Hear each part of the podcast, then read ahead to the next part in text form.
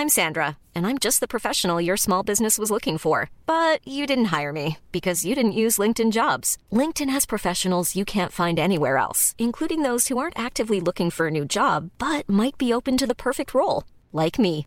In a given month, over 70% of LinkedIn users don't visit other leading job sites. So if you're not looking on LinkedIn, you'll miss out on great candidates like Sandra. Start hiring professionals like a professional. Post your free job on linkedin.com/people today.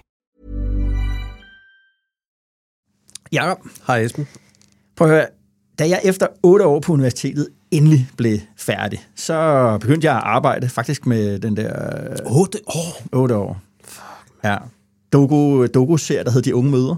Og, øh, og så skrev jeg for, for Ræson sådan om, om aftenen. Og så søgte jeg jo jobs, selvfølgelig. De også. unge mødre Ja. og ræson. Ja, Okay. fra filosofi til de unge mødre, og så, og så Ræson. Ja. Okay, okay. Ja.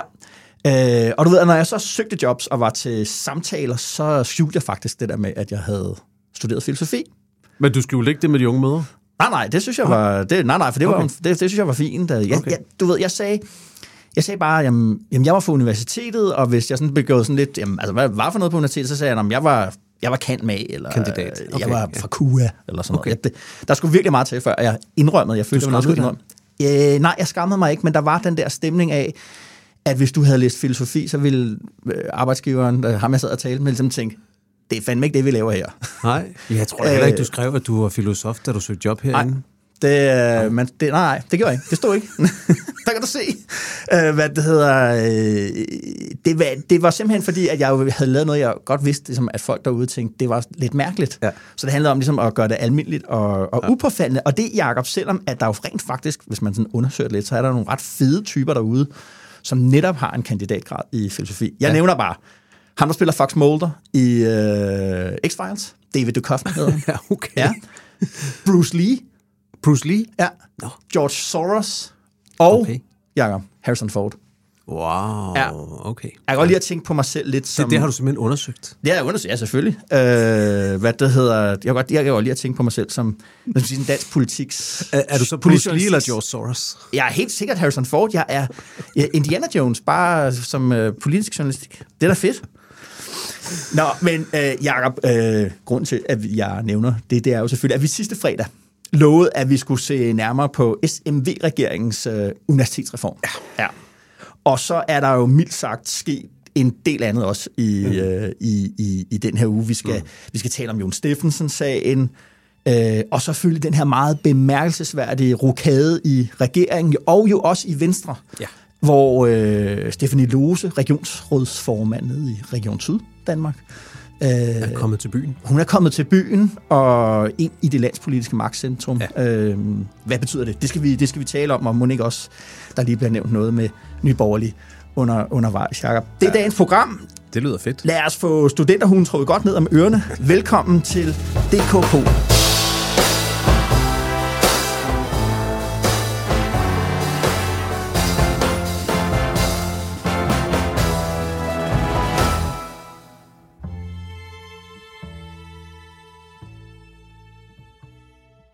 Jakob, fluen på væggen, hvor har du... Øh... Ej, jeg synes, du skal starte i dag. Skal Du- jeg starte du i dag med starte. min flue? Ja. Okay, altså- du vil hen. Jeg vil gerne øh, være i Nye Borgerlige, eller ikke i Nye Borgerlige, jeg vil gerne være i Dansk Folkeparti sådan cirka lige nu.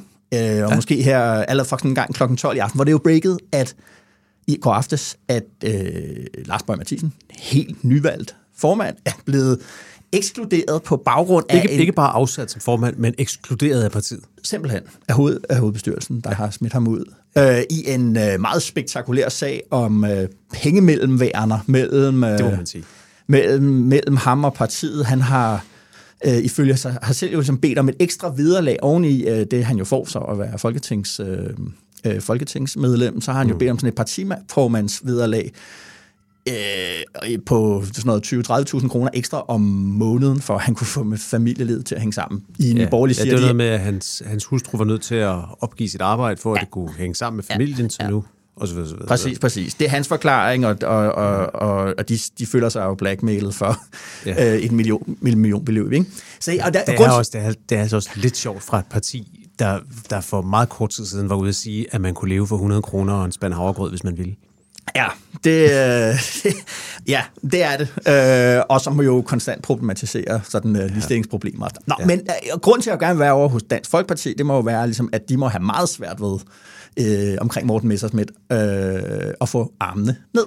Det er, ja. Og opgaven består her lige her i de næste par dage om at øh, du ved, holde masken her, fordi det, man må ikke sådan øh, juble over øh, en konkurrence. Men det er jo det, der er tilfældet her. Bare ligge helt stille. Det er, at øh, man har fået et par medlemmer øh, mm. fra, fra Nye Borgerlige, og, og nu er, ligner det jo, at partiet er i total nedsmeltning. Pernille Vermund har måttet opgive sit, øh, sit forsøg på at trække sig helt fra politik og har meldt sig Ja, hun har meldt sig igen. Ja, hun har meldt sig igen. Og der vil jeg jo sige, altså, godt nok at være flue på væggen over hos, øh, over hos Dansk Folkeparti, men, øh, men det kunne også have været sjovt at være på Mauritius, hvor ja. Pernille Vermund jo ja. har tilbragt den ja. seneste uge og har sendt jævnlige Facebook-opdateringer fra ja. senest en onsdag, altså lige før det her eksploderer, hvor der står, hvor der står, vi kommer aldrig hjem. Men så står der, don't be afraid, be very afraid, we'll be back. Altså, ja. og da, da hun skriver den opdatering, der aner hun jo ikke, hvor sandt det skal vise sig at være. Præcis. Det er, det er fantastisk. Det er, men selvfølgelig hos, hos Dansk Folkeparti interessant i den forstand, at, at siden at Morten Messersmith blev frikendt, så har det jo været en lang ja. øh, succesrejse. Det må man sige. Og, øh, og det er jo et sådan et, altså det her, det var noget, det her, den krise, der er i Nye Borgerlige, er jo noget, ja. af den, noget af det, der skal gå op for ham, det er jo, at vi ved jo fra meningsmålinger, at halvdelen af Nye Borgerliges vælgere og halvdelen af DF's vælgere, de kunne stemme på et andet parti, ja. hvis, og du ved, de ikke skulle stemme på det parti, de stemte på i forvejen. Præcis. Så det der med, og det har vi talt om tit, at der er brug for, for mergers and acquisitions over på, over ja. på, det, over på det, over det nye højre, ikke? Og så... Øh og så er det måske noget, de lige noterer sig over i Moderaterne hos Jon Steffensen, at øh, se Morten Messersmith, der er en vej tilbage efter dokumentfalsk. Præcis. Altså, du er ikke, du er ikke nødvendigvis Præcis. Nå. Så det var min, ja, det var okay. min øh, flue. Jeg vil godt, godt lige vide, hvordan de øh, går rundt ja. og, og skåler i det stille i ja. Dansk Folkeparti. Ja. Jamen, jeg vil godt øh, jeg vil godt lidt ud i verden. Jeg vil godt have været med i for eksempel Texas. Det kunne også have været i Pretoria i Sydafrika eller andre steder. Jeg vil godt have været med ude på nogle af de udvalgsrejser, der har foregået i, i den her uge. Jo. Det meste af folket, stor del af Folketinget har været på udvalgsrejse. Og det er altså blevet til en helt fjollet ting i dansk presse. Selvfølgelig primært i, i nogle af det, vi i gamle dage kaldte de små aviser, BT og Ekstrabladet, som snart ikke er aviser mere. BT er i hvert fald ikke, kun mm. online. Ja. Men det her misundelsesjournalistik, det her med, ej, tænk hvor mange penge de rejser for, og er de ikke bare på ferie og sådan noget, som jo ja. er mega sjovt i en tid, hvor man kun taler om mere uddannelse, og folk skal ja. gøre sig klogere og klogere. Altså det, at folketingsmedlemmer rejser ud og møder folk ude i verden, det er åbenbart bare langt ude. Men jeg synes, den mest interessante af de rejser, der er, mm. det er erhvervsudvalget, jo. som er i, øh, er i Texas, mm-hmm. og over at besøge erhvervsvirksomheder, selvfølgelig erhvervsfolk i, øh, i Texas. Og jo. grunden til, at det er interessant, det er jo, at de jo over og se, hvilke muligheder det åbner for Danmark, at der er kommet denne her pakke, som vi har talt om flere gange, mm-hmm. der hedder Inflation Reduction Act, ja. som jo basically er en stor grøn støttepakke mm-hmm. i USA. Altså en stor sum penge, der er sat til rådighed til, at man kan udvikle grønne løsninger i USA, sådan så de kan ligge der og ikke i Kina. Ja. Og det er ligesom det, der er helt pointen med den pakke, det er, at den er rettet ikke mod Europa, den er rettet mod Kina. Mm-hmm. Og der har der er min fornemmelse også, når man snakker med folk, der ved noget om det her, at, at der har Danmark altså placeret sig lidt anderledes end de fleste andre lande i Europa, som jo står og brokker sig over det og siger, hov, det er statsstøtte, og nu må vi også have noget mere statsstøtte i EU, og mm. det er ikke retfærdigt, hvad amerikanerne gør. Mm.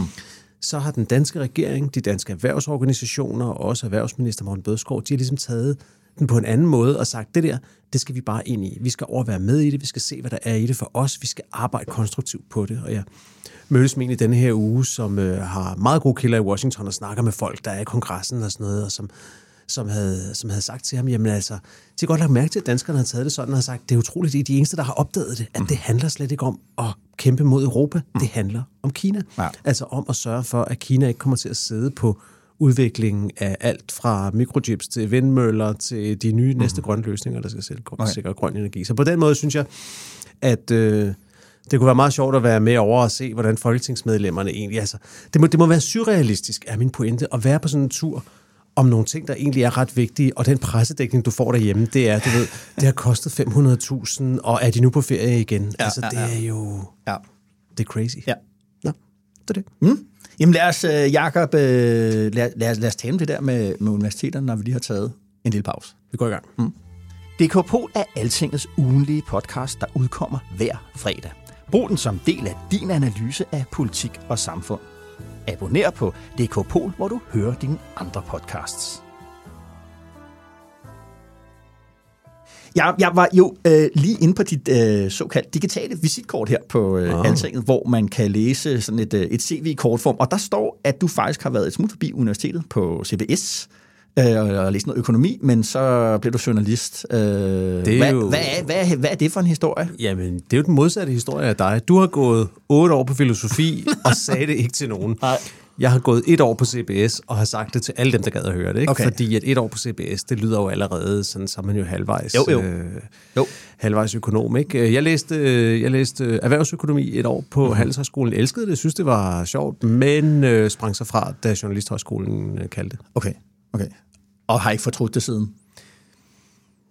Jeg har ikke fortrudt journalisthøjskolen, men jeg tror, at set i bagspejlet, kunne jeg måske godt have tænkt mig at have gjort, om ikke andet, så en bachelor færdig der på Handelshøjskolen, Ja. fordi øh, det, det tænker jeg faktisk på i denne her uge. Jeg var til en konference, kommer vi tilbage til senere, mm. men hvor der var fyldt med sådan nogle advokater erhvervslivstyper og sådan noget. Og så sad jeg undervejs øh, og øh, tjekkede nogle af dem på LinkedIn og sagde, hvad, hvad er ham der? Hvad har han egentlig lavet? Han er tydeligvis en, der har haft succes. Mm. Og så viste det sig, at flere af dem, der var i lokalet, de havde gået på CBS Ja. samtidig med mig. Men mo- modsat mig var de bare ikke skiftet til journalisterskolen. De havde holdt fast, og de Okay. havde, det havde de fået gode job ud af. Ja, Ja. Og sjove karriere ud af. Så, øh, så på den måde tænker jeg nogle gange, hmm, det kunne da også være sjovt. Mm-hmm. Hvad det hedder, universitetets øh, formål, Jakob, og status, det har været og bliver i disse dage hæftigt øh, debatteret øh, på grund af regeringens udspil til en reform af universiteterne. Det er den, der hedder Forberedt til fremtiden 1. Øh, mange stemmer selvfølgelig fra universitetet har kritiseret det. Øh, politikere rundt om, øh, også kommentatorer, øh, så mm. at øh, Nora Reddington, som kommenterer på dansk politik for politikken, han konkluderede ligesom, at nu indledes en proces, der bygger på diffuse målsætninger, tvivlsomme regnestykker og uklare motiver. Citat slut. Det der med regnestykkerne, det skal jeg ikke lige øh, mig på, Jacob, men, men, men min analyse er, at det der med de diffuse målsætninger og uklare motiver, det passer simpelthen ikke. Mm. Det er meget, meget klart, når man læser i dybden af den her reform, og sammenholder den med, hvad især Mathias Tesfaye og Kåre Dybvad Bæk har skrevet om uddannelse og universiteter og akademisering, at, det er, at der er det ikke uklart. Det, det regeringen er i gang med, det er at gennemføre noget af det mest ideologiske fra Mette Frederiksens første periode, nemlig opgøret med det, Kåre Dybvad kaldte de lærtes tyranni. Mm. Mm. Men tror du, motivet er det samme for hele regeringen? Nej, altså det, det, grunden til, at folk er forvirret over, hvad det her egentlig skal være, fordi det er jo, at det, der karakteriserede Mette Frederiksens første periode, det var jo, at man var enormt, det var noget Martin Rossen, er meget vægt på, ikke? hendes tidligere statschef, personlige øh, særlige mm, rådgiver, mm. det var, at fortællingen hele tiden skulle stå klart. Ja. Folk skulle hele tiden vide, hvad Socialdemokratiet ville, også selvom at det ikke nogle gange ikke øh, lykkedes, det var, det var meget vigtigt, at intentionen var, øh, var meget klar. Ja. Det kan man selvfølgelig ikke gøre, når man går ind i en trepartiregering. Man kan slet ikke gøre det, når man går ind i en trepartiregering. Hen hvor over den- midten. Nej. Hen over midten, mm. hvor sammen med, med, med den tidligere hovedvalg, og måske slet ikke, når man øh, er sammen med, hvad man kunne godt kunne sådan øh, lidt skarpt vinklet sige, er det de lærte tyrannis politiske fortrop nummer et i de her dage og år, nemlig øh, Moderaterne. Og det er jo problemet er, at Christina Elund, som er øh, videnskabsminister, som det hed i gamle dage, øh, hendes argument er, at vi gør universiteterne bedre, det er for deres egen skyld, og det, hun bliver ramt af, det er, når man sidder og læser ned i det, så er det meget, meget tydeligt, at det her, det handler om og på den ene side at pille universitetets øh, status som, som den der spidsen af en mm. pyramide, sådan en hierarkisk pyramide, øh, væk, og skubbe universitetet tilbage i det almindelige uddannelsessystem. Altså gøre den universitetets status mindre, og gøre det mere almindeligt og mere øh, åbent og, og knap så elitært. Mm. Og øh, man vil gerne afbryde forbindelsen. Det, der gør, ligesom, at universitetet ligesom er blevet det vigtigste at komme på, sådan socialt mål, altså sådan kulturelt, at det er noget, vi alle sammen øh, skal. Og det, jeg synes, vi kan Men gå dybere kan, kan man ikke sige for Venstre og Moderaterne, er det mere legitimt også at sige, at formålet med det her, også langt hen ad vejen, er arbejdsudbud. Det er noget om at få øh, opfyldt nogle af de der meget store ambitioner, de har om at skabe et større arbejdsudbud. Altså på den måde er det en arbejdsudbudsreform. Ja, altså det, er- det, det, er, det er i hvert fald for Venstre vil det være det, det man vil, mm. det, man vil sige. Der er jo, øh, jeg tror 6.000 øh, cirka, i den her reform alene er der et øget arbejdsudbud på 6.000. Og hvis du så lægger forslaget om at øh, sløjfe det 6. SU-år, som selvfølgelig bliver meget mere logisk det øjeblik, at man, øh, at man begynder at skære ned for kortere ja. kandidaten. Mm så får du øh, 5.000 oveni, ikke? så der er 11.000 i, mm-hmm. i, i arbejdsudbud, der venter her. Jo, altså det, det kan de i hvert fald sige, og det synes også, at det, bliver, det, det er en væsentlig pointe, at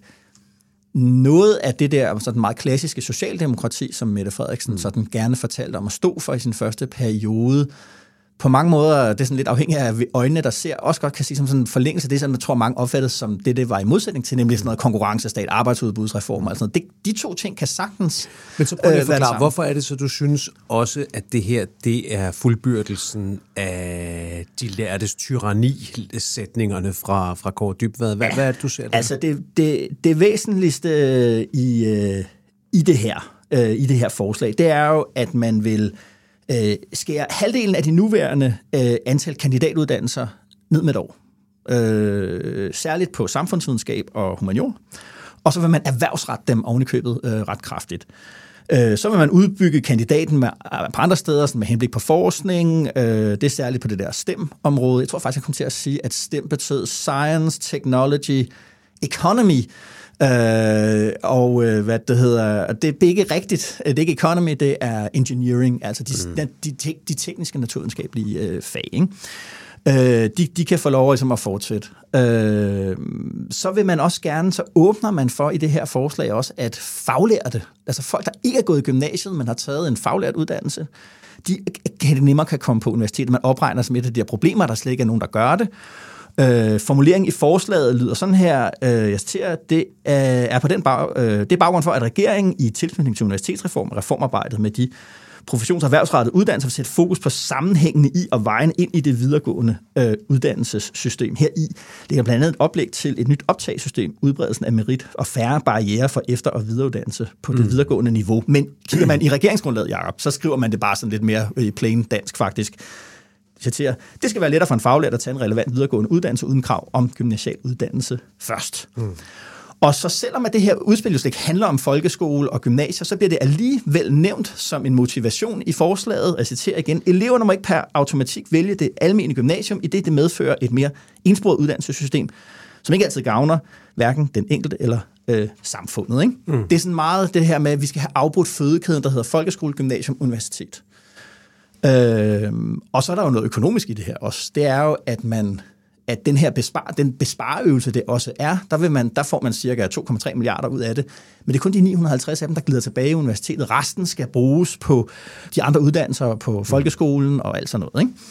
Okay, så nu vil jeg bare lige sige, hvad det hedder. Hvis man læser lidt lærtes tyranni, hvor Kåre Dybvad beskriver de her problemer omkring akademisering af samfundet, mm. centralisering af samfundet, den magt, det han kalder den kreative klasse, har fået, så foreslår han jo så, hvad er det, man kunne gøre ved det?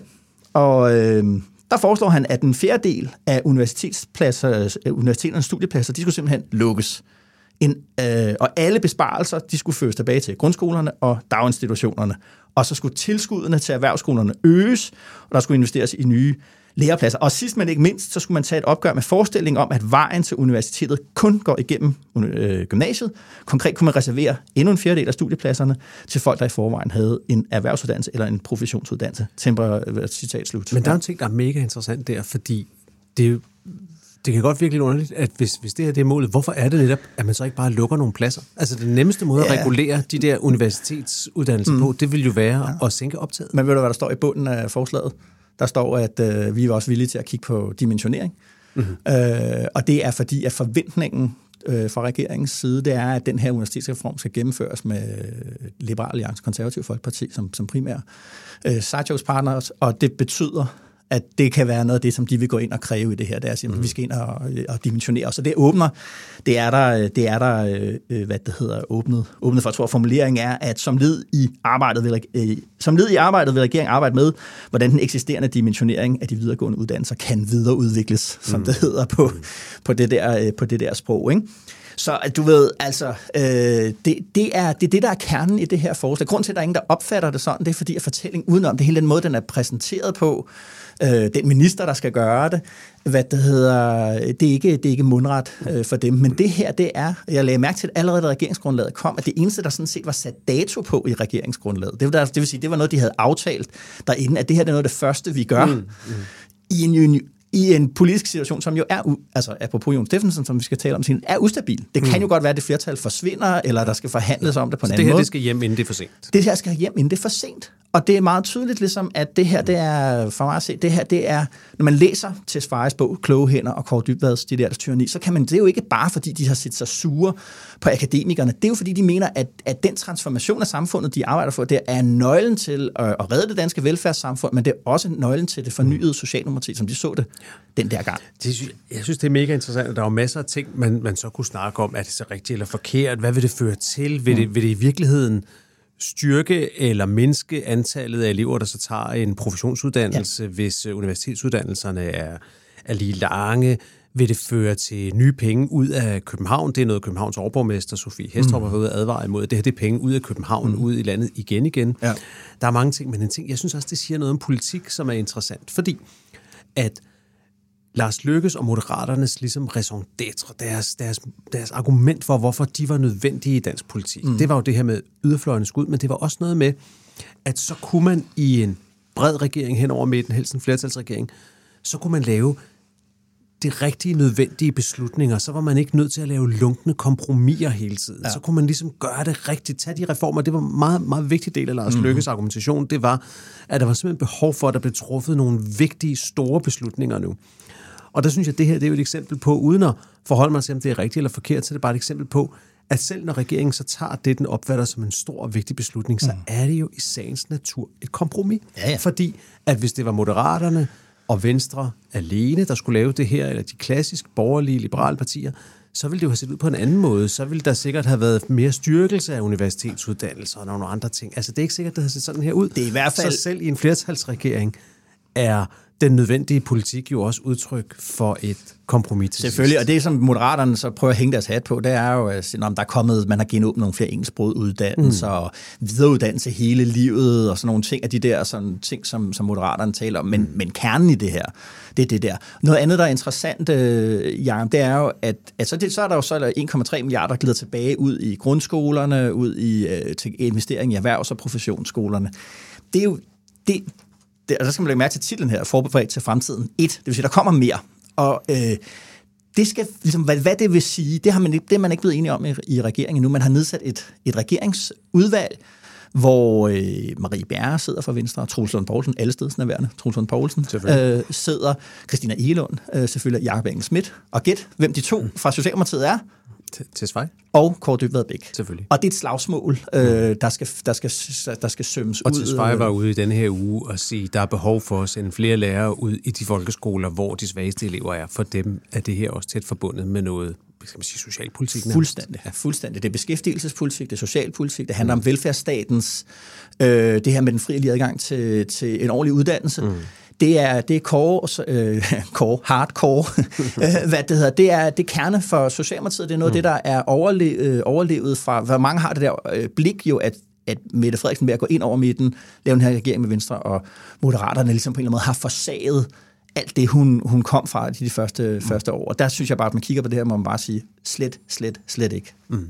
Men der er så også en, øh, en øh, alt efter hvad man ser på det, smuk eller gusten, øh, et smuk eller gustent interessesammenfald her, fordi hvis man taler også med folk fra erhvervslivet, så er der jo ret stor opbakning mm-hmm. til dele af det her. Også fra folk, som overhovedet ikke skriver under på Kåre Dybvads ja. De lærtes tyranni og hele denne her hele denne her mm, farvelsesmisundelse over de veluddannede, som Kåre Dybved jo selv er en af, ja. øh, men som bare siger, prøv at, det er en god idé at komme ud, fordi det er jo først, når man kommer på arbejdsmarkedet, man mm. rigtig lærer det, og så ja. må man tage en master senere, eller få mm. noget efteruddannelse. Ja. Altså, der er en meget udbredt holdning til, at det er egentlig fornuftigt nok. Lad os nu bare se og få de folk, ja. øh, ind, sluttes ind på arbejdsmarkedet, fordi ja. der er ikke nogen grund til, at de tilbringer det sidste år eller halvandet eller otte på, på universitetet. Ja, og, og, og der talte jeg så med en, en, en, en kilde på, på, på dekanniveau øh, på universitetet, og vi hører kun de kritiske stemmer fra universitetet. Alle universitetsansatte, mm. lektorer, mm. hvad der ellers er, er ude og, og slog sig meget voldsomt i tøjet. Men jeg ja. talte med en, der sagde, jeg er faktisk lettet over, at det her forslag er kommet, som har langt hen ad vejen ikke er kendkendende til den her beskrivelse af, at universitetet har den samme form, det har haft i overvis, samtidig med, at antallet af folk, der går på universitetet, er fordoblet, eksploderet, mm. øh, hvad man nu vil kalde det, og det er, ikke, det er ikke længere godt nok til, øh, til, til at være for, øh, hvad kan man sige, at være så åben. Altså, det der masseuniversitet har stadigvæk et elitært en elitær struktur, og det går ikke. Øh, mm. så det er ikke, det er altså ikke kun, øh, hvad kan man sige, man kan altså også finde stemmer i, i universitetsmiljøet, som hilser det her øh, velkommen, fordi, som de siger, universitetet har jo haft alle muligheder for at reformere sig selv indefra, men det kan man ikke, og det har selvfølgelig noget at gøre med de økonomiske strukturer, der er. Mm. Øh, fagene på universitetet, de får penge for, hvor mange studerende mm. de øh, får igennem øh, altså den der ståproduktion der. Og det ja. gjorde, da jeg var på universitetet, jeg har jo siddet i universitetspolitik, Jacob, og forhandlet studiereform, og, øh, altså studie, hvad det hedder, på, på filosofistudiet, det var jo helt, det helt mærkværdige var, at jeg sad jo og kæmpede for netop dimensionering, og sagde, jamen jeg vil have lavere optag, Øh, det var også en konkurrenceting. Altså, mm. hvor, mange, jeg siger, hvor, mange, hvor mange som mig skal rende rundt herude, det er jo ikke så godt. Øh, og, og der var det jo, der var det jo øh, altså, de ansattes politik at få så mange ind som overhovedet muligt, mm. og også med en stor villighed til i mine øjne at sænke niveauet for, at det mm. kunne, fordi man kan, det er kun per bestået, du får øh, en eksamen. Ja. Ikke? Ja. Det er, det er et af de sjældne områder, hvor journalister måske kan vise sig at blive en slags øh, frontløbere her, fordi med journalistuddannelsen mm. er der jo faktisk lidt sket den udvikling, som vi ser her. Altså journalistuddannelsen var jo traditionelt kun i Aarhus på det, der hed Danmarks Journalisthøjskole. Da jeg gik, der nu hedder ja. den noget andet, Danmarks Medie- og Journalisthøjskole. DJMX. Ja, og man kan også blive øh, uddannet på både Syddansk Universitet og på RUK, men pointen er, at journalistuddannelsen, den klassiske, er jo en professionsuddannelse. Ja. Der er godt nok noget forskning på Journalisthøjskolen, modsat hvad der er på de fleste professionsuddannelser. Jo. Men det er en professionsuddannelse, fire mm. år med et stort element af erhvervspraktik ja. undervejs, ja. eller praktik. Men nu er der jo på universiteterne kommet overbygninger på, især SDU har en journalistkandidat, som er relativt populær. Ja. Og jeg ser det jo blandt journalister, at uanset om de har taget den ene eller den anden eller den tredje mm. håndværks-professionsuddannelse, mm. så er der nu journalister, der enten direkte eller også nogen efter nogle år i faget siger, jeg vil faktisk gerne bygge på og blive kandidat og specialisere mig inden for, inden for det her felt. Og det er vel nogenlunde det, der er ja. idealtilstanden for det, regeringen ønsker sig. Ja. Du tager en uddannelse, du mm. kommer ud og arbejder, og måske finder du ud af, at du har behov for at dygtiggøre dig eller specialisere dig. Ja, eller? ja helt bestemt. Det er det.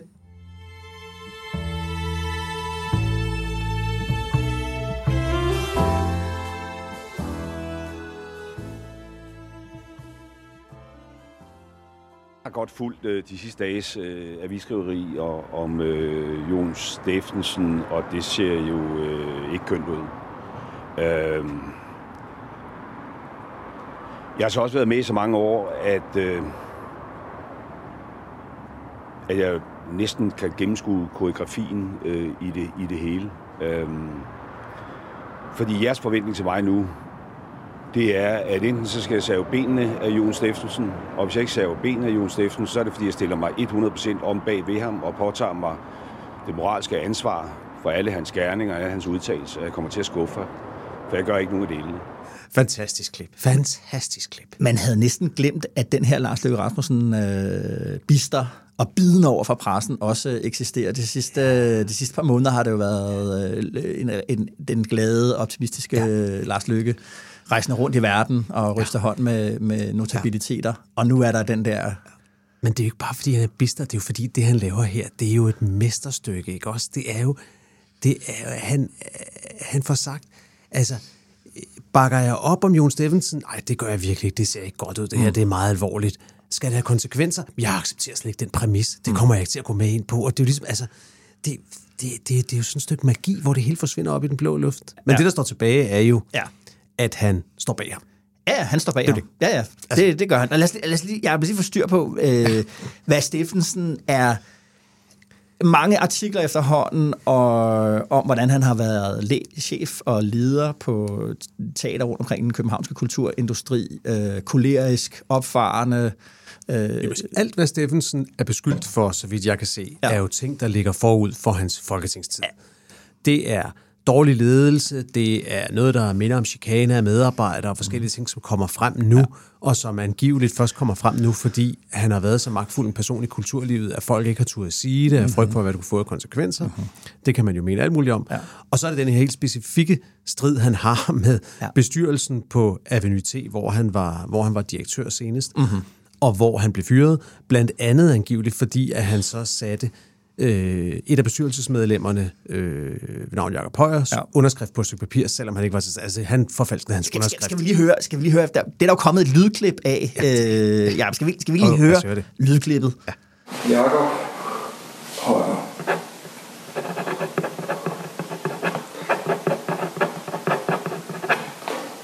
Det ser meget godt ud, ikke?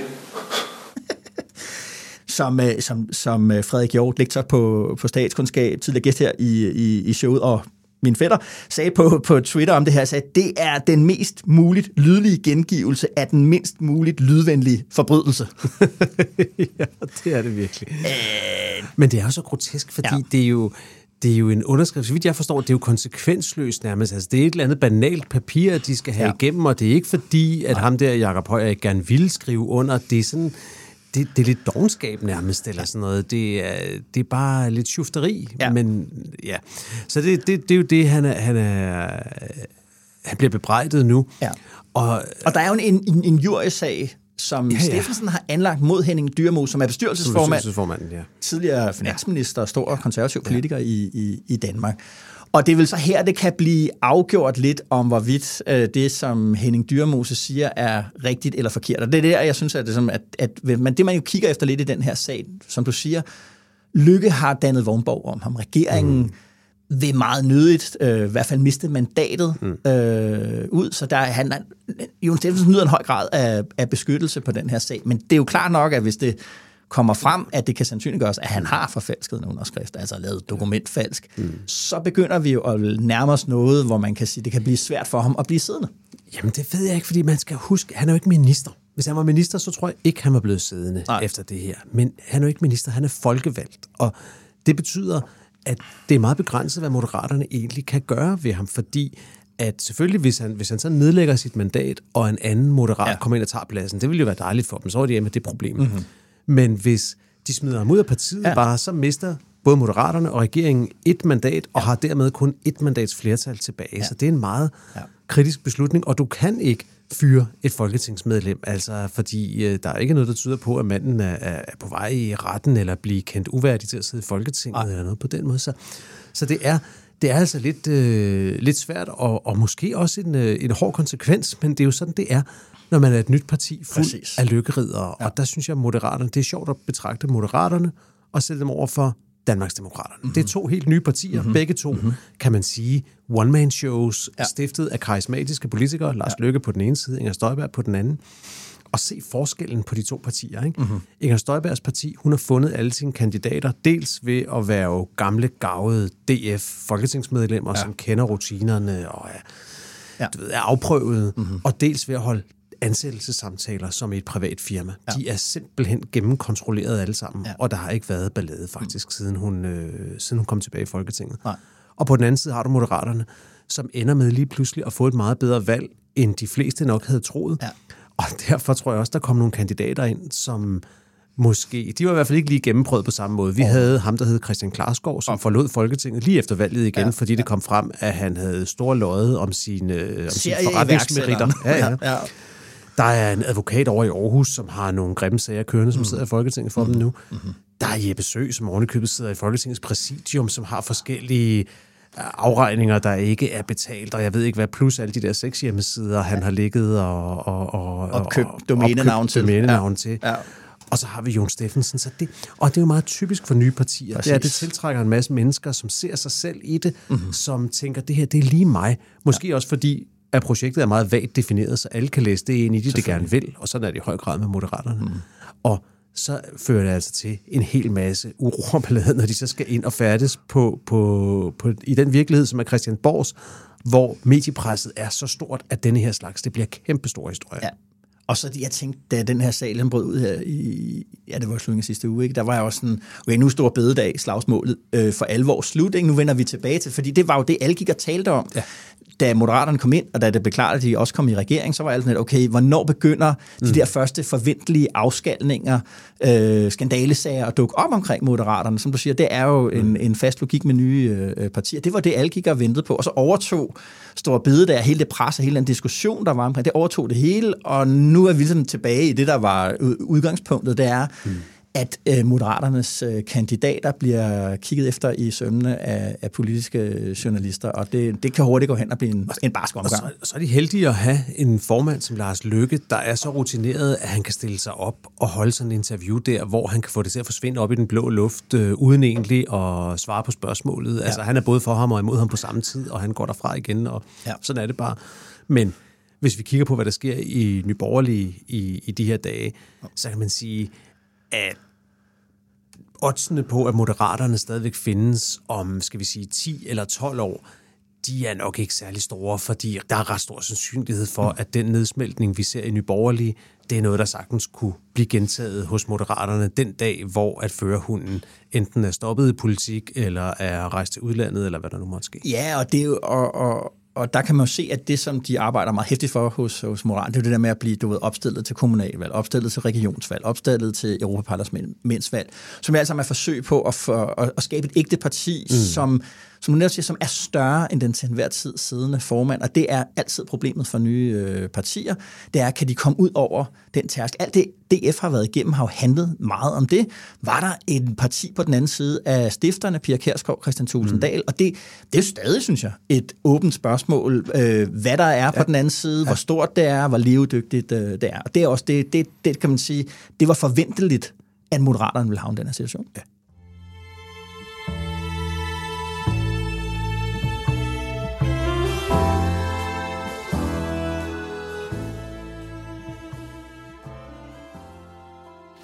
Du sagde, det her er en drøm, der går i opfyldelse for dig. Nej, det kan man ikke sige. Det er en opgave, som øh, skal løses, øh, og som jeg har sagt ja til at løse, efter at Venstres formand har bedt mig om at gøre det. Øh, Det er jo en midlertidig opgave, øh, indtil jeg kan vende tilbage til Region Syddanmark. Ja, Venstre, en tragedie i efterhånden øh, mange akter. Det her, det var regionsrådsformand Stefanie Lose, der møder pressen for første gang som fungerende økonomiminister i den her meget bemærkelsesværdige regeringsrokade, som også er en form for øh, rokade i Venstre. Øh, alt sammen foranledet selvfølgelig af, at formand Jacob Ellemann Jensen har sygemeldt sig.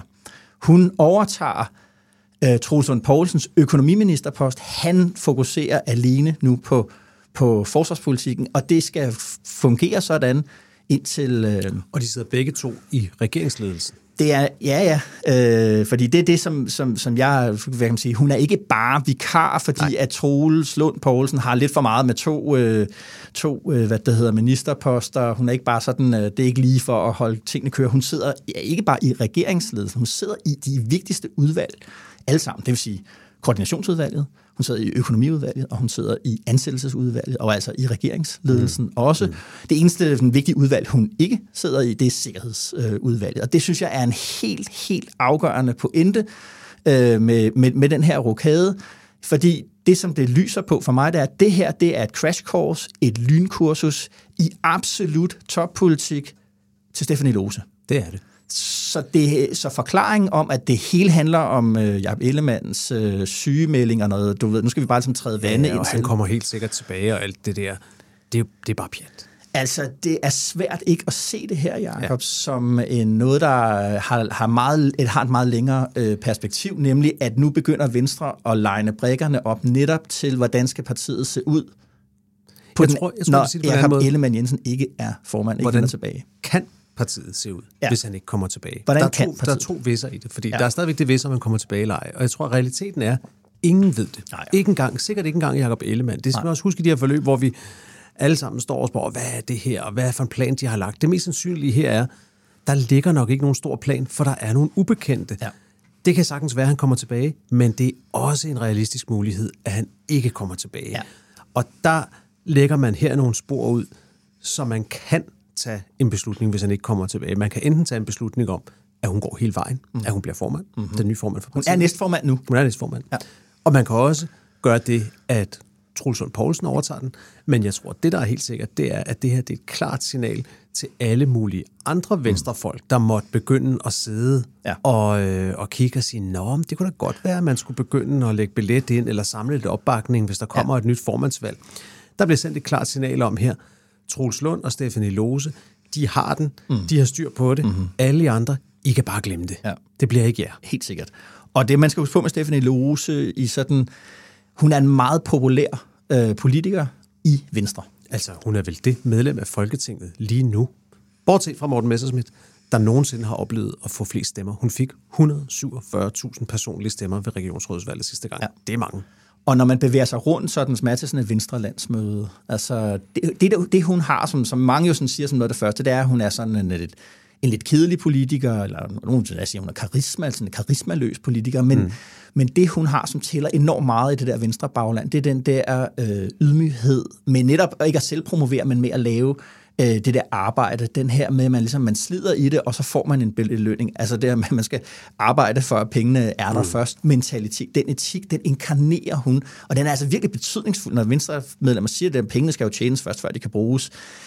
Det lyder som sådan noget merkantilistisk købmandskab, men mm. i venstre regi er sådan noget, det er etik. Det handler om, hvad der skal til for at gøre det gode. Og den dyd, den øh, inkarnerer hun. Den er sådan en jysk, vil jeg næsten sige. Hun har øh, død. den død, men så har hun også noget andet, der er vigtigt i politik. Hun har den nødvendige kynisme. Ja. Og det viste hun, da hun fik skubbet sin forgænger Karl Holst ud i øh, ned i Sønderjylland. Mm-hmm. Det viste hun, da hun blev valgt som regionsrådets øh, formand første gang i Sønderjylland, hvor hun erobrede posten som formand for danske regioner for mm. næsen af nogle socialdemokrater, som nok troede, at, øh, at det var deres, mm. så de bare skulle finde ud af, hvem der skulle have den. Så pludselig så løb øh, Stefanie Lose med den. Det var dygtigt gjort. Det var den slags, som... Øh, som politikere, der når til tops, det er det stof, de er gjort af, det er, at de har den timing, ja. der hedder, her er der en mulighed, ja. den griber ja. jeg. Det er også lidt det, hun gør nu. Jeg er ikke sikker på, at hun bliver Venstres næste formand, men jeg tror, de næste par måneder kan blive rigtig afgørende på den måde, at hvis hun kommer ind på Christiansborg med succes, mm-hmm. hvis hun når at få, at få, få kørt et par gode sager, hvis hun øh, mm-hmm. får lidt medvind i medierne, mm-hmm. så kan hun blive et tog, som de andre ikke kan stoppe igen. For sådan er politik også, at det kan blive Selvfølgelig. selvforstærkende, og så pludselig er hun så stærk, at hun faktisk ikke kan stoppes. Og så er der jo det her med, at hvis der var nogen, der sådan havde tænkt sig, at man kunne komme ind og spille en rolle i, i en eventuel formandskamp ved at spille på, at baglandet er skeptisk over for regeringsdeltagelsen. Mm. Hun er baglandets, hun er bagland. hun er baglandets talsmand, eller hvad man skal sige, ikke? repræsentant. Så hun er jo syet helt ind i nu, øh, hvad der kan man sige, det var der, øh, regeringssamarbejdet. Ikke? Det var der et, øh, en venstrepolitiker, der, der sagde til mig, denne her uge sagde det der med, at der er mange rundt om i baglandet i dag, som, øh, som i lukkede forer godt kan lide at tage æren for, at øh, det var dem, der ligesom... Øh, sat øh, stolen for døren for Lars Løkke og, øh, ja. og fik, øh, fik gjort op med ham til sidst. Men sagde den her kilde, jeg talte med, altså alle, der, der ved noget om det, ved også godt, hvem det var, der rigtigt øh, fik øh, sat stolen for døren for Lars Lykke. Det var det Stefanie Lose, mm. fordi som den her kilde sagde, folk kan jo godt til, mm. at det var da hun sagde, det var slut, så var det slut, ja. for så vidste folk godt, at så var baglandet mod ham væk. Præcis. Og det er den næste interessante dynamik, vi skal vide det her, det er, der er ikke ikke nogen varme følelser imellem Stefanie Lose og Lars Lykke. Mm. Lars Lykke, øh, det kan vi også se fra, fra Simon Emil Amnesbøls seneste bog, ja. altså han bærer af, ja. og han kan huske, hvem der var imod ham, og hvem der ikke var imod ham. Hun var imod ham. Og det, det er jo en, en, en utrolig fascinerende øh, og helt usædvanlig dynamik mm. i et regeringssamarbejde, at man har den slags ondt blod imellem, øh, imellem topfolkene for de forskellige partier. Og så noget andet, øh, to ting, man måske skal nævne ovenikøbet også der, det er jo, øh, nu er Truls Lund så over på den der forsvarsministerpost, og skal forhandle det der forlig, der skal være, mm. han skal være med til at, ligesom at lede den proces og indkøbe våben. Og, og, og, som vi talte om, tror jeg, et par gange, for et par gange siden det der, at at Jacob Ellemann indimellem ligesom nærmest for havne sådan en underordnet position mm. i forhold til Lars Løkke på grund af krigen i Ukraine, og dermed så var forsvarspolitik og udenrigspolitik lige pludselig på en eller anden måde en og samme ting. Og, øh, og nu kan man i hvert fald sige, at, at, at, at Troels Lund er også en powerplayer, øh, på, måske på en lidt, men, men, men en rohed, som, som Jacob Ellemann Jensen måske øh, savner. Mm. Mm. Præcis, det bliver, det bliver virkelig spændende at se, hvad der kommer til at ske i, i Venstre i det næste stykke tid, men i de første par uger, måske endda måneder her, der tror jeg egentlig, vi, vi kan forvente ret meget ro på, ja, fordi nu er der lagt en kurs, ja. der stopper en hel masse spekulationer, ja. og så er det faktisk så er det faktisk udfaldet af nogle forskellige ting, der afgør det. Jeg mm. tror som sagt ikke, at drejebogen for det her Nej. er skrevet færdig endnu. Og så, men noget andet, jeg lagde mærke til, Jacob, det var jo, at, at uh, Jacob Ellemann Jensen gik jo på Facebook for også ligesom at give, kan man sige, velsigne ja. den, den, den, øh, det, det her med, at Stefan Ose kommer ind. Og der er det, at Ellemann faktisk for første gang selv tager ordet stress i sin mund. Da han sygemeldte sig, så var det jo noget, der var jo noget work-life balance. Han kunne ikke både være øh, far, formand og forsvarsminister, og han havde fået et ildebefind, og kroppen kunne ikke følge med og sådan noget. Men mm. han brugte ikke ordet stress Nej. selv.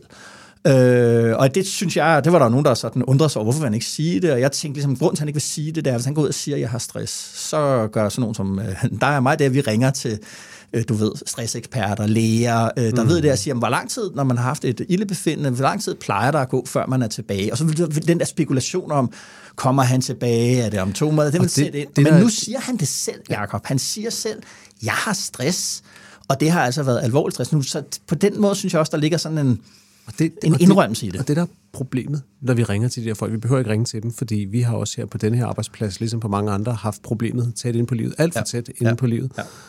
Og derfor så ved vi godt, at det afgørende er sådan set ikke det der med, om det tager en eller to eller tre måneder, før du kommer tilbage. Det Nej. afgørende er, at det de, alle de kloge vil sige, det er, du vender ikke tilbage fra 0 til 100. Nej. Du kommer gradvist tilbage. Ja. Og det er et problem for Jacob Ellemann, det fordi det. i politik kommer du ikke gradvist tilbage. Det, det er simpelthen et problem, som øh, næsten er, er umuligt at, at overskue, hvordan, hvordan han skal løse. Og vel også, Jacob, på den måde, at, at det, som folk jo også gør, når de kommer tilbage fra stress, det er, at de organiserer deres arbejde anderledes. Øh, mm. De sørger for at sætte nogle regler op for sig selv omkring at holde fri, og ikke have for mange bolde i luften, og altså ligesom... At, og, og, ikke at have en udenrigsminister, der stjæler dine sager.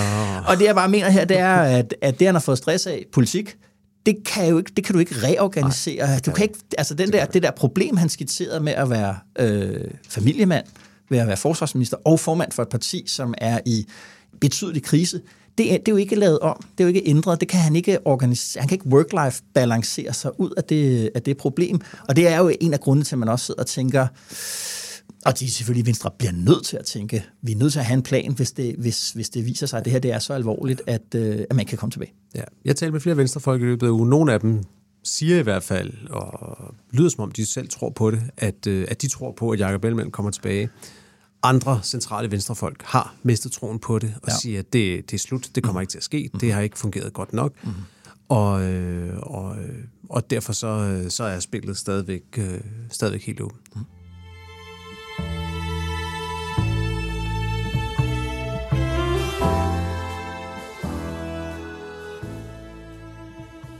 Jakob, din weekend. Hvad står weekend på?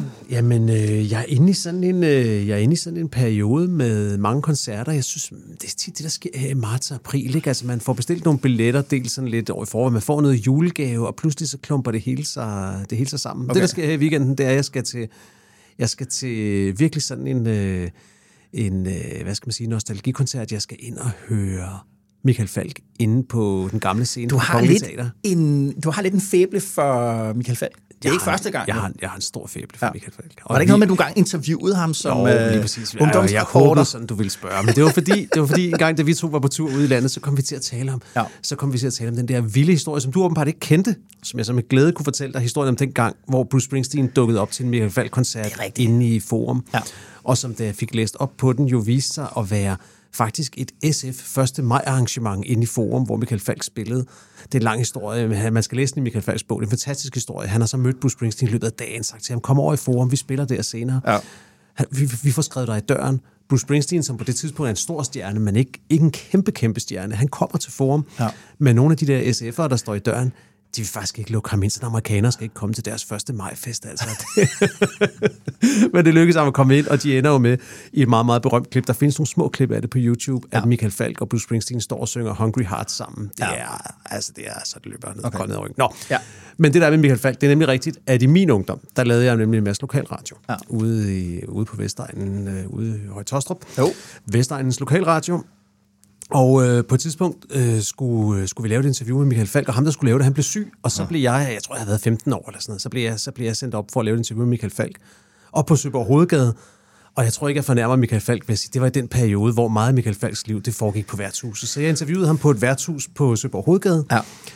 Og jeg ved sgu ikke, hvordan det gik. Altså, sikkert ikke. Altså, jeg var 15 år uforberedt og sådan noget. Men det så sagde jeg til Michael Falk til sidst, så sagde jeg til ham, ja, det var heller ikke mig, der skulle have lavet det, og der var en anden, han blev syg og sådan noget. Og så siger Michael Falk, det har jeg aldrig glemt ham for, så siger han, men ved du hvad, Jacob? Vi ved jo godt alle sammen, at nogle gange, så kommer indskifteren ind og scorer det afgørende mål. Ja. Og det synes jeg bare, altså, ja. det var klasse. Det kan man leve af det i, kan man leve, ja, i overvis. Og, og det havde han jo ikke behøvet, vel? Det var Nej. bare sådan en lille gestus fra en ja. mand, der sad der og kom en eller anden opkomling og skulle interviewe ham. Det synes jeg skulle være i orden. Jeg kan godt lide Michael Falk. Ja. Det vil jeg godt indrømme. Okay. Jamen, det, mig til, det lyder da fedt. Ja, det er fedt. Ja. Hvad skal du? Ja, jeg skal... Min datter har fødselsdag, øh, så der er fælles, fælles fødselsdag i uh, hendes klasse. Så Okay. okay. jeg, skal, jeg tror, jeg skal bage nogle boller, og, okay. og så skal vi op og, og holde øh, børnefødselsdag. Øhm, så er cykeltræning jo trådt ind i en lidt mere seriøs fase. Jeg kigger frem mod det cykelløb, der er oppe i Helsingør, der hedder En forårsdag i Helsingør, som okay. er et tribute-løb til øh, de belgiske klasse, klassikere. Og så er der et, et gravelløb øh, senere på året, Ribe, Tønder Ribe, 165 øh, øh, grusveje. Så hvad det hedder, jeg skal også ud på. Men er det ikke også i weekenden, det der Paris-Nice, det slutter? Eller? det slutter nemlig, ja, præcis, ja. med afgørende etappen. Men det ser Hvem holder du med egentlig?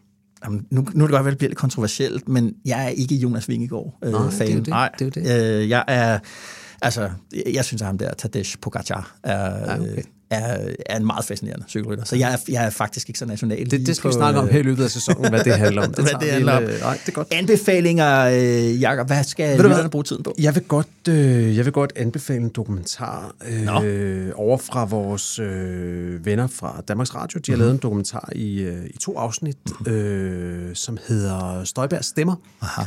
Og øh, det, er, det er fremragende fjernsyn. Ja. Det, er, det, er, det er simpelthen øh, en dokumentar, der foregår omkring øh, folketingsvalget, lidt før mm-hmm. efter, og som, øh, hvor vi møder en række af de mennesker over i øh, det jyske kerneland, mm-hmm. øh, som er meget fascineret af Inger Støjberg. Og det er lavet med en enorm, synes jeg, loyalitet mod de mennesker. Det er ikke et program, der peger fingre. Det er et program, der prøver at forklare os, hvordan er det, de tænker. Der er mange ting, synes jeg, der bliver sagt i det program, man godt kan være uenig i, og nogle gange ja. Ja. tænke, hold da op, sagde de virkelig det? Men Jo. jeg synes, det er... Jeg synes, det er virkelig godt fjernsyn, mm-hmm. og, og som sagt også lavet med en stor realitet. Jeg kunne egentlig godt tænke mig lige at spille et Ja, ja, ja. ja. klip for dig. Ja, ja. Der er en, øh, en skrothandler med i det program, mm-hmm. som er meget vild med Støjberg, og han laver også noget, han laver også noget radio.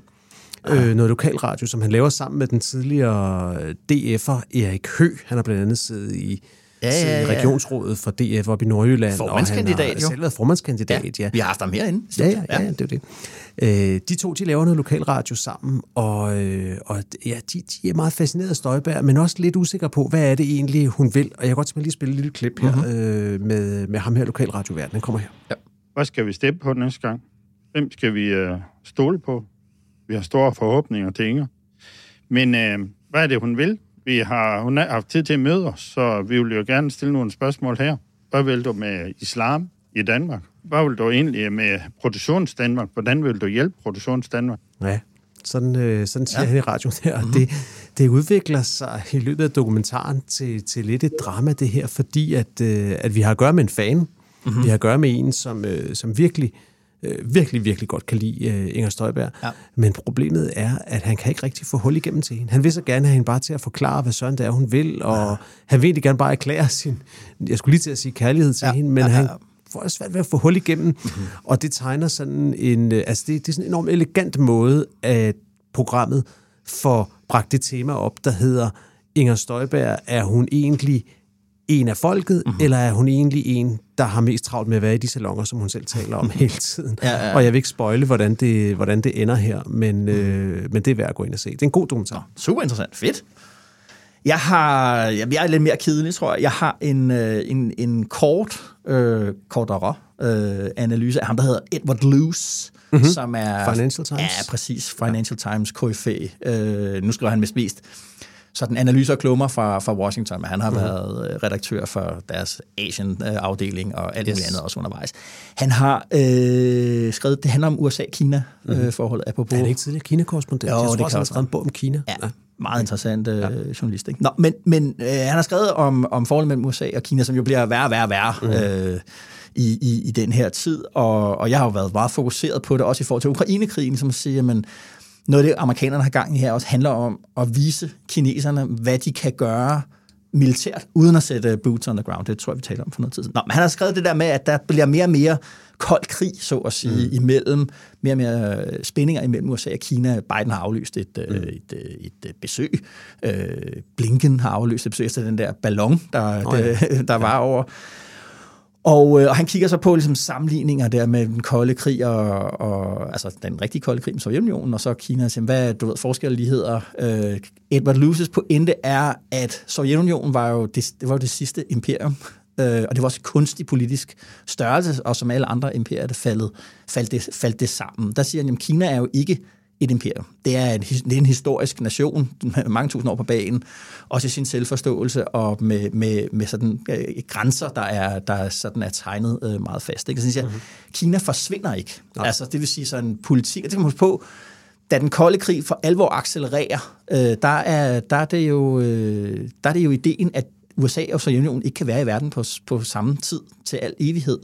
Og noget af det, der så var det interessante med Nixon og alt det, det var, at man lige pludselig lagde kursen om og sagde, okay, måske er Sovjetunionen kommet for at blive, og, og, og så kommer Reagan, hvor, det, hvor du igen tager den her op med, at Sovjetunionen kan ikke findes. Altså det bliver, mm. på længere sigt er Sovjetunionen nødt til at holde op med at findes. Den, den mulighed, den findes ikke, når det kommer til Kina. Og der skriver han sig lige ind i dansk udenrigspolitik lige nu. Jeg var til et meget spændende arrangement øh, her i denne her uge. Det var det arrangement, som Lars Lykke også var til, inden han gik ned og sagde det om Jon Steffensen nede på gaden, som ah. vi lige hørte til ja, ja, ja, ja. Jo.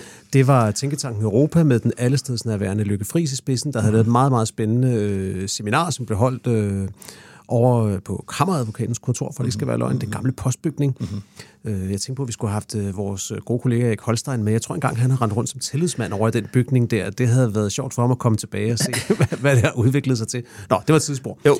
Men der var Lars Lykke med, og han sagde jo meget interessant også om sit syn på det her med Kina. Ja. Og det der er, det er, at regeringen med Lars Lykke her i spidsen, mm er jo på vej til at genforhandle en dansk samarbejdsaftale med Kina, hvor Lars Løkke siger lige præcis det, du citerer Edward Luce for der, nemlig Kina bliver jo ved med at være der, uanset om vi kan lide det eller ej. Ja. Så det kan godt være, at vi ikke skal være lige så naive i vores tilgang til Kina, som vi har været. Vi skal måske ikke give dem lige så meget adgang til vores videregående uddannelser, til forskningspladser ja. her. Men vi kan ikke lade som om, de ikke er der, så vi skal have en samarbejdsaftale Præcis. med Kina. Og det er jo det, er jo, det bliver jo et af de kommende års helt store dilemmaer for mm-hmm. alle i Europa. Det bliver mm-hmm. at finde det rigtige ben at stå på ja. i forhold til Kina.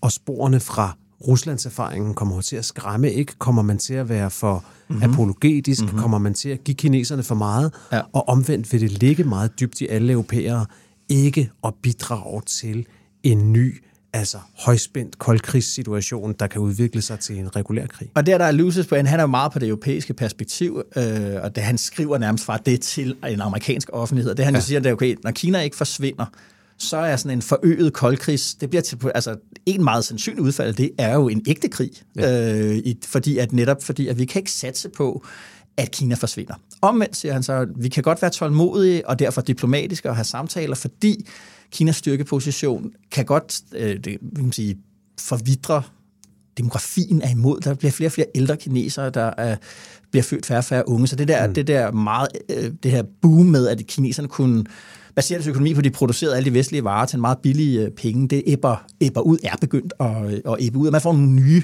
velfærdspolitiske problemer øh, hen ad vejen, ikke? fordi at levestandarden... Dengang, øh, nu har vi snakket uddannelse i dag, ikke? dengang jeg gik på Handelshøjskolen, det var der tilbage i starten af 90'erne, ikke? Ja der kunne man læse, øh, der kunne man læse forskellige sprog. Man kunne læse tysk og fransk og engelsk. Mm-hmm. Og ved du hvad så det fjerde sprog var, man kunne læse på de der erhvervsøkonomiske uddannelser? Mm. Det var japansk. Ja, præcis. Og det var fordi dengang, der var det Japan, og man var sikker på, at ja. det var der fremtiden lå. Og ja. det siger jo noget om, ja. at øh, op og ned det skifter ikke bare i dansk politik, det skifter også i den øh, globale Præcis. kamp om det økonomiske her. Præcis. Så der, der kan man sige, han, han, hans, hans råd også, at vi skal lade være med at afbryde øh, forbindelserne, vi skal, mm. vi skal have is, is i maven her. Mm-hmm. Okay, Jakob, tak for den her gang. Vi ses tak for det. næste fredag. Og som altid, også tak til dig derude med DK Pol i ørerne. Gå ind, hvor du henter DK Pol og giver os dine stjerner og likes og hjerter, hvad det nu er, så endnu flere de kan blive en del af DK Pol-fællesskabet. Maja Sofie Simonsen, hun producerede den her episode af DK Pol, og du hørte klip fra TV2 og Børsen. Mit navn er Esben Schøring. Jeg er politisk redaktør her på Alsinger og ønsker dig og dine en god weekend og god weekend.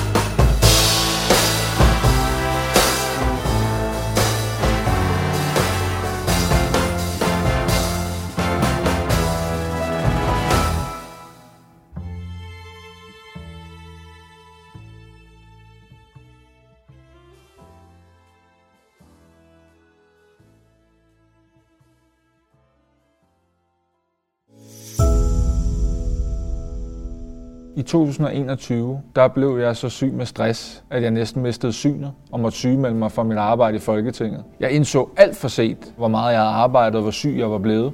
Og til sidst så havde jeg det så skidt, at jeg ikke var den samme længere. Jeg har skrevet den her bog, Fartblind. De fleste kender mig nok fra politik, men Fartblind er ikke en politisk bog. Den er en bog om stress, Du hørte Jakob Mark om sin anmelderrose bog Fartblind, som er ude nu.